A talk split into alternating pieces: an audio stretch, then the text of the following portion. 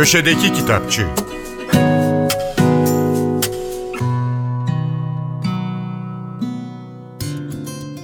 Merhaba, ben Adnan Bostancıoğlu. 19. yüzyılın önde gelen filozoflarından Arthur Schopenhauer'in Aşkın Metafiziği isimli eseri Sel Yayıncılık'tan yeni bir baskı yaptı. Kitabın yeni baskısını dilimize Çiğdem Canan Dikmen çevirmiş. Alman felsefesinin şahsına münhasır ismi Schopenhauer, kötümserliğin filozofu olarak bilinir. Üstad insanın bu dünyadaki varoluşunu ve bu varoluşun mutlulukla taçlanacağı beklentisini tam bir saçmalık olarak görür. Schopenhauer 1788 doğumlu, 1860'da da ölmüş. Üniversite eğitimine tıp alanında başlıyor ama sonradan felsefeye yöneliyor. Platon ve Kant'ı derinlemesine inceliyor. En yakın dostlarından biri Göte. Bugün her ne kadar felsefe tarihinin en dikkate değer isimlerinden desek de Schopenhauer'in hayatına akademik başarısızlıklar damga vurmuş. En büyük takıntılarından biri, hatta başta geleni Hegel'miş anlatılanlara bakılacak olursa. Üstelik Schopenhauer'in Berlin Üniversitesi'ne hoca olarak alınmasına ön ayak olan da Hegel. Buna rağmen sevmiyor Hegel'i. Fikirlerine zaten katılmıyor. Bir de rekabet halinde ve bu rekabette hep yenilen taraf. Derslerini Hegel'inkilerle aynı saate koyuyor.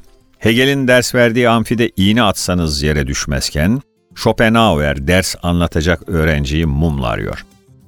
Çalışmaları yaşamı boyunca önemli bir ilgi görmese de Schopenhauer felsefe, edebiyat ve bilim dahil olmak üzere çeşitli disiplinlerde asıl olarak ölümünden sonra dikkat çekti. Estetik, ahlak ve psikoloji üzerine yazdığı yazılar birçok düşünür ve sanatçıyı etkiledi. Gelelim aşkın metafiziğine. Arthur Schopenhauer, filozofların aşk meselesine yeterince ilgi göstermemesini çok yadırgar. Zira bilhassa roman türünün yükselişiyle birlikte edebiyatın vazgeçilmez temalarından biri haline dönüşmüştür aşk. Dahası intihar vakalarıyla gazete haberlerine de giderek daha sık konu olur. Felsefe dünyasında aşka dair eksikliği gidermek için kendi özgün felsefi yaklaşımından yola çıkarak konuyu bütün metafizik yönleriyle ele alır. Özetle ifade etmek gerekirse, aşkın ve cinselliğin gerisinde yatan temel dürtünün sadece insan değil, her tür için üreme içgüdüsü olduğunu söylüyor Schopenhauer.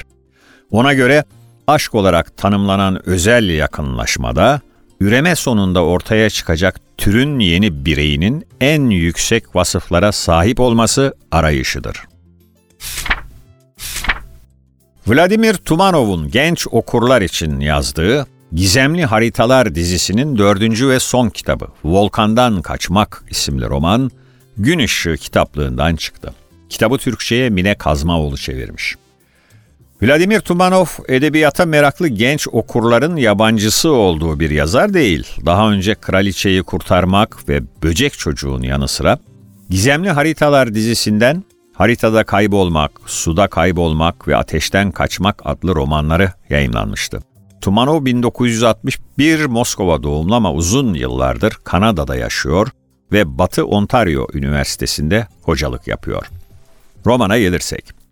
Alt kardeşler Mariana ve küçük kardeşi Jack, amcasının hediye ettiği tekne ile gezintiye çıkarlar, niyetleri Bermuda'da dalış yapmaktır. Ancak dört kafadar teknede yalnızken büyük bir fırtına patlar ve önce açık denize, sonra da ıssız bir adaya sürüklenirler.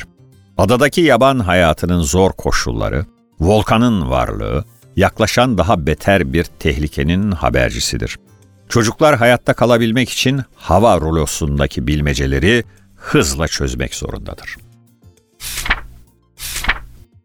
Modern Rus ve Ortaçağ kültür tarihi, Rus edebiyatı ve Bizans sanat tarihi üzerine yaptığı çalışmalarla tanınan Sussex Üniversitesi öğretim üyesi Robin Milner Guland'ın Ruslar isimli incelemesi kısa süre önce Türkiye İş Bankası Kültür Yayınlarından çıktı. Kitabı dilimize Bahar Tırnakçı çevirmiş.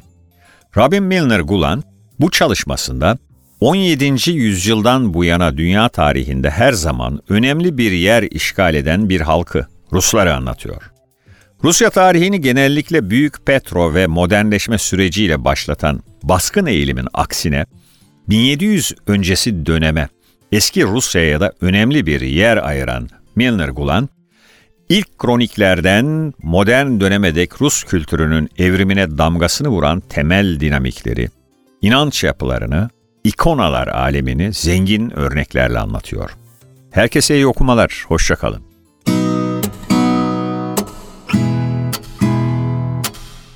Köşedeki Kitapçı